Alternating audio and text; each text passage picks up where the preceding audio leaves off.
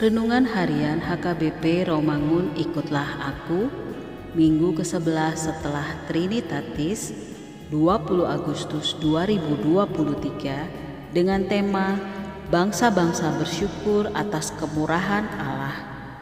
Bacaan epistel kita pada hari ini dari Mazmur pasal 67 ayat 1 sampai dengan 8 dan bacaan evangelium kita pada hari ini dari Roma pasal 11 ayat 1 sampai dengan 2a dan ayat 29 sampai dengan 32 yang berbunyi Maka aku bertanya, adakah Allah mungkin telah menolak umatnya? Sekali-kali tidak, karena aku sendiri pun orang Israel dari keturunan Abraham dari suku Benyamin. Allah tidak menolak umatnya yang dipilihnya.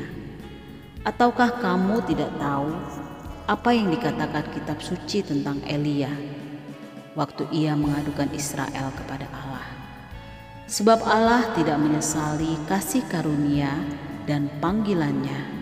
Sebab sama seperti kamu dahulu tidak taat kepada Allah tetapi sekarang beroleh kemurahan oleh ketidaktaatan mereka. Demikian juga mereka sekarang tidak taat, supaya oleh kemurahan yang telah kamu peroleh, mereka juga akan beroleh kemurahan. Sebab Allah telah mengurung semua orang dalam ketidaktaatan, supaya Ia dapat menunjukkan kemurahannya atas mereka semua. Demikian firman Tuhan. Sahabat, ikutlah aku yang dikasihi oleh Tuhan Yesus. Renungan minggu ini memberitakan hal yang berbeda dari sikap manusia terhadap apa yang dilakukan Allah. Di mana Rasul Paulus memberitakan penolakan orang Yahudi kepada Tuhan Yesus sebagai Mesias, tetapi tidak membatalkan kasih Allah bagi semua manusia dan juga tidak membatalkan kasih karunia dan panggilannya pada bangsa Israel. Bangsa Israel tetap menjadi bangsa dan umat pilihan Allah. Allah tetap menghendaki bangsa Israel tetap menjadi umatnya, sebagaimana Allah juga berkenan menjadikan bangsa lain menjadi umatnya. Allah juga berkenan memakai orang non-Yahudi yang telah percaya untuk memberitakan keselamatan dalam Yesus kepada setiap orang. Gambaran ini menunjukkan bahwa Allah mengasihi semua manusia dan menghendaki supaya mereka dapat menjadi umatnya dan percaya serta menyembah dia. Rasul Paulus mengatakan bahwa ia adalah seorang Israel, keturunan Abraham suku Benyamin dan nampaknya dulu Paulus berbangga dengan statusnya itu.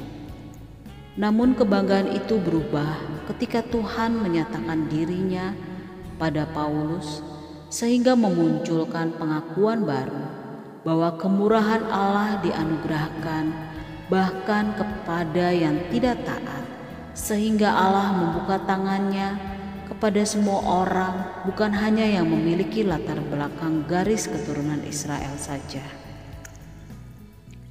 Perbedaan antara Kristen Yahudi dan non-Yahudi sangat kontras, sehingga dapat memunculkan perselisihan.